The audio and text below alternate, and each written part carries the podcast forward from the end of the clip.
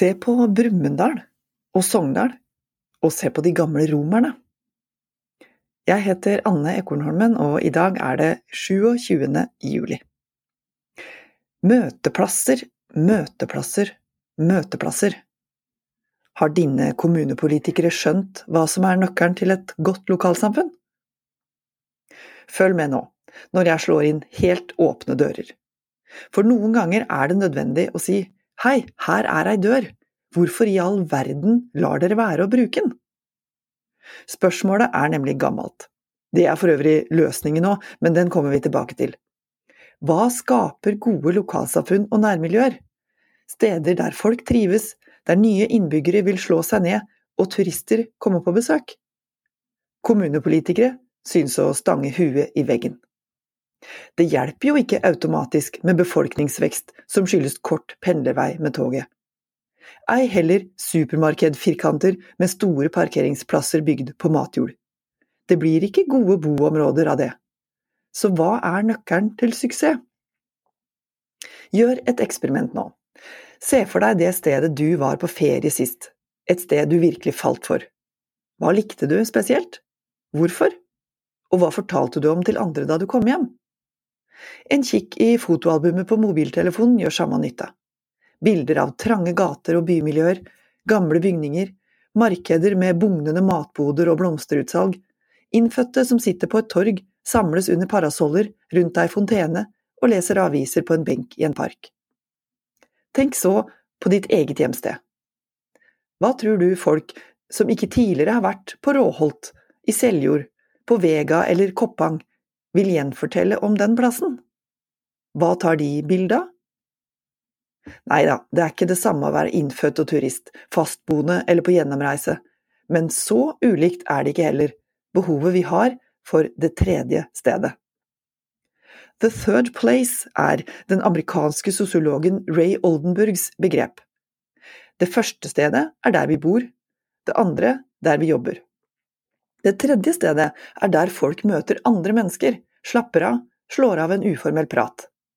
Konseptet er gammelt som alle hauger, som romernes piazzaer og forum, som grekernes agoraer, som alle små og store steders torg, parker og markeder. Disse møteplassene er løsningen. De er avgjørende for å skape følelsen av fellesskap og samkvem med andre mennesker. De kan ikke erstattes av digitale møteplasser, og ja, de kjennetegnes av at de er blidfri. De som lykkes med god stedsutvikling, veit dette her. De veit at møteplasser er pilarer i samfunnet, nødvendige for opplevelsen av fellesskap. Og fellesskapet er grunnleggende for følelsen av trivsel. Og trivsel er avgjørende for tilhørighet. Og den er de ute etter, alle tilflytterkoordinatorene, alle næringssjefene og sosiale medier-ansatte i kommunene tilhørigheten som gir folk bolyst. Det er den som gjør at vi investerer krefter og fritid på å bidra til liv og røre og aktivitet der vi bor, som igjen skaper nye møteplasser. Mange steder bommer på dette her.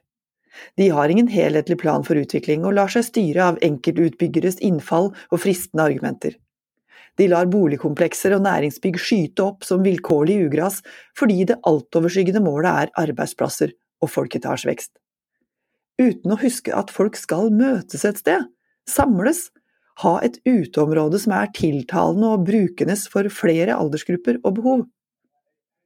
Og noen får det til. Brumunddal har lagt penger og tanke i Mjøsparken, ei perle for turgåere, de som vil drive ballspill, henge, sitte, løpe og bade, folk som vil treffe noen, se og bli sett. Et godt tredje sted er nemlig ikke produktivt eller nyttig, det bare er. Tilgjengelig for alle, unntatt biler. Du skal ikke behøve å løse billett eller bruke penger, men gjerne finne parasoller og beplantning. Det kan være merkaturstier, benker på utkikkspunkter, lekeapparater og grøntarealer sammen med ei bokbyttebu ved den lokale priksen. Grep som viser at noen har tenkt. Her kan du slå deg ned, se på folk, følge med på livet og bli ei stund. Tenk bare den blå steinen i Bergen.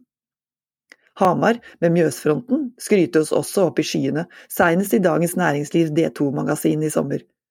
Saft og studentbygda Sogndal har brukt millioner av kroner på en halvannen kilometer lang promenade langs fjorden der folk kan rusle og jogge, leke, hvile, møtes og prates, tett på vannet. Er det en småstedstrategi der du bor? Har lokalpartiene som går til valg i september en visjon for hvordan folk skal ha det der du bor? Hva skal turistene ta bilde av neste sommer? Mange kommuner, særlig i distriktene, jobber hardt med å snu fraflyttingstrenden og gjøre seg attraktive for både utbyggere og innbyggere. De bør tenke på at folk skal leve også, ikke bare bo. Møteplasser er ikke så fryktelig vanskelig å lage, men de er veldig lette å plukke fra hverandre og ødelegge i kortsiktig jakt på flere leiligheter eller enda en grå næringsbyggekloss. Kommunens mangel på planlegging blir i verste fall menneskefiendtlig stedsutvikling. Derfor må ønsket om vekst ha en plan. En plan der uterom, torg og parker er med fra starten av, og der utbyggere ikke får lov til å sette spaden i jorda før de innfrir kravet om å tegne inn møteplasser for mennesker. Øverst på to do-lista bør alle sette det tredje stedet. Nå har du hørt Nasjonen på øret, og jeg heter Anne Ekornholmen.